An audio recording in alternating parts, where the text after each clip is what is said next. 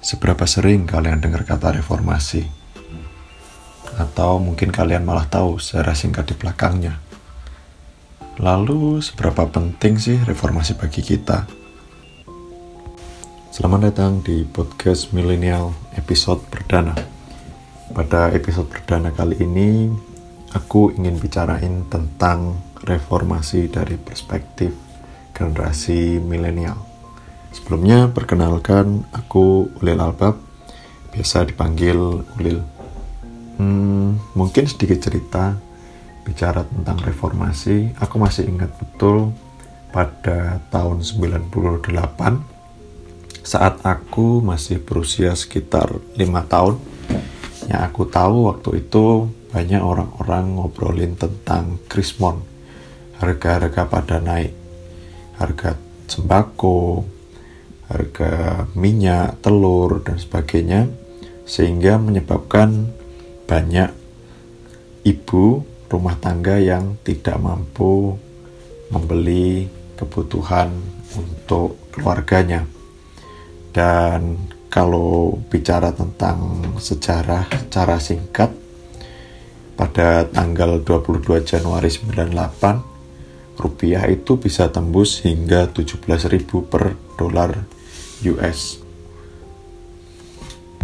Kondisi krisis finansial atau biasa disebut krisis moneter menyebabkan banyak dari masyarakat Indonesia merasa tidak puas dari kepemimpinan Soeharto saat itu sehingga terjadi demonstrasi besar-besaran yang dilakukan oleh berbagai organisasi kemahasiswaan di berbagai wilayah Indonesia, mulai dari Yogyakarta hingga Jakarta. Hingga pada akhirnya pada tanggal 21 Mei 1998, Soeharto mengundurkan diri dan digantikan oleh wakilnya saat itu yaitu B.J. Habibie. Ngomong-ngomong soal reformasi, mungkin sering dari kita melihat di belakang truk. Di bagian belakangnya ada tulisan piye kabarele isih penak zaman kuto mungkin secara nggak sadar banyak dari kalangan kelas ekonomi ke bawah memilih untuk hidup di bawah pemerintahan Soeharto asalkan mereka bisa makan, kebutuhan pokok bisa tercukupin, dan tentunya keamanan yang lebih terjamin. Hal ini tentu seperti mengejek kondisi saat ini di mana jurang kemiskinan semakin melebar dan harga-harga yang semakin tidak terkendali sehingga menyebabkan orang tidak mampu membeli atau tingkat daya beli dari kebanyakan masyarakat menurun gitu. Nah, tentu menjadi titik kritis bagi kita sendiri apa benar sih kondisi pasca reformasi saat ini itu lebih baik daripada sebelum reformasi. Hal ini tentu harus didiskusikan lebih lanjut dan upaya perbaikan seperti apa yang dapat kita ambil untuk menciptakan kondisi Indonesia yang lebih sejahtera tentunya sesuai dengan tujuan dari bernegara yaitu mencapai keadilan sosial bagi seluruh rakyat Indonesia yang tercantum dalam Pancasila sila kelima. Hal paling gampang yang mungkin bisa kita rasakan dari reformasi adalah adanya keterbukaan informasi, keterbukaan bagi semua orang untuk mengeluarkan pendapat, berserikat, berkumpul itu dijamin secara penuh oleh undang-undang. Namun demikian tentunya keterbukaan informasi ini harus diimbangin dengan tanggung jawab dalam artian ketika kita mengeluarkan pendapat harus disertai dengan alasan yang kuat, data yang kuat, dan bukan hoax tentunya. Bergeser ke era sekarang di mana perkembangan internet dan sosial media menyebabkan orang juga sangat mudah untuk mengeluarkan pendapatnya di muka umum melalui Twitter, Facebook, atau Instagram mereka boleh atau YouTube mereka bisa mengeluarkan pendapat atau pikiran-pikiran mereka gitu.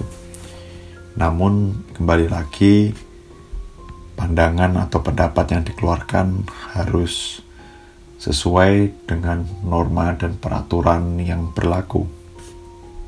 Ngobrolin soal reformasi juga nggak bakal jauh-jauh dari penegakan HAM.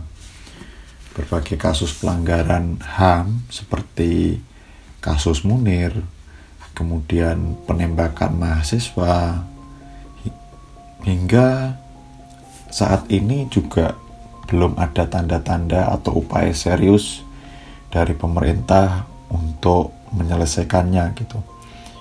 Dan kalau kita mengikuti perkembangan saat ini juga ada berbagai konflik seperti konflik agraria di berbagai daerah di Indonesia. Mulai dari pembangunan pabrik semen di Rembang kemudian penolakan pembangunan bandara internasional baru di Yogyakarta reklamasi Teluk Jakarta hingga perebutan lahan oleh perusahaan di Sumatera maupun Kalimantan. Hal ini seolah-olah menjadi sangat miris karena rakyat yang memiliki tanah atas nama dia sendiri harus berhadapan dengan para pemilik modal dalam hal ini perusahaan yang ingin mencaplok tanah mereka demi melakukan perluasan unit usahanya. Selain itu, kalau kita lihat dari sisi yang lain seperti gerakan mahasiswa sebelum 98 gerakan mahasiswa itu sangat masif diskusi-diskusi di kampus berbagai kegiatan kemahasiswaan meskipun saat itu sempat juga dilarang oleh pemerintahan Soeharto. Tetapi ada rasa ingin dari para mahasiswa untuk melakukan perubahan. Nah kalau mencoba untuk dibandingkan kondisinya dengan sekarang gerakan mahasiswa saat ini cenderung lebih pada fokus seperti kegiatan sosial ataupun event organizer di mana badan eksekutif mahasiswa tidak lagi menjadi pusat sentral gerakan mahasiswa tapi hanya menjadi penyelenggara karena bagaimanapun juga ini dipengaruhi oleh adanya kebijakan masa studi yang dibatasin. Mahasiswa tidak boleh terlalu lama kuliah di kampus sehingga harus cepat-cepat lulus dan memasuki dunia kerja misalnya. Atau banyak juga yang memilih untuk bergabung dengan gerakan non-organisasi seperti mendirikan berbagai founder misalnya menjadi founder project sosial untuk membantu masyarakat menyelesaikan masalahnya. Hal lain yang menjadi perhatian bagi kita mungkin kita ngerasa kurang peduli tentang kondisi politik yang ada di tanah air tentang kasus korupsi yang terlalu banyak para pejabat yang tersandung masalah hukum Mungkin hal ini yang menyebabkan kita tidak terlalu peduli tentang politik itu sendiri.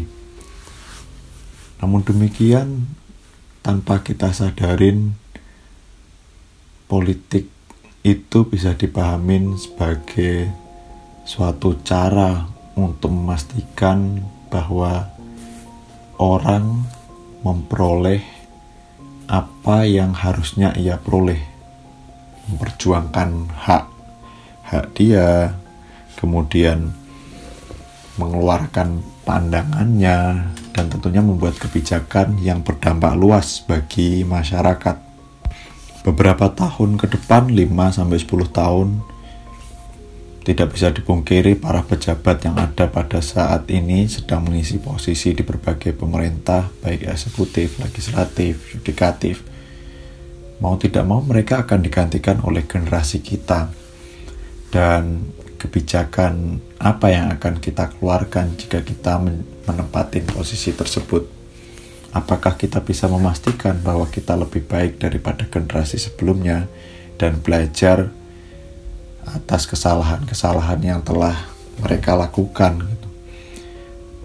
Hal ini sangat menarik untuk terus kita diskusikan lebih lanjut dan kita juga perlu mencermatin apakah 20 tahun siklus 20 tahunan itu masih ada di mana setiap 20 tahun ada perubahan secara mendasar bagi negeri ini. Kita sebagai milenial tentu tidak boleh acuh tak acuh melihat kondisi yang ada saat ini. Karena bagaimanapun sekecil apa pun kontribusi yang bisa kita berikan akan sangat memberikan dampak yang luas bagi masyarakat secara umum. Semoga dengan adanya reformasi ataupun 20 tahun pasca reformasi seenggaknya membuat kita mudah untuk mengeluarkan pendapat meski ada berbagai kekurangan tentu menjadi kewajiban kita untuk memperbaiki agar menjadi lebih baik bagi perkembangan demokrasi di Indonesia. Demikian yang bisa saya sampaikan di episode perdana kali ini. Apabila ada masukan, kritik, sangat terbuka bisa komen di Twitter saya at m underscore ulil albab. Silahkan mention atau melalui Facebook ulil albab. Terima kasih, sampai jumpa.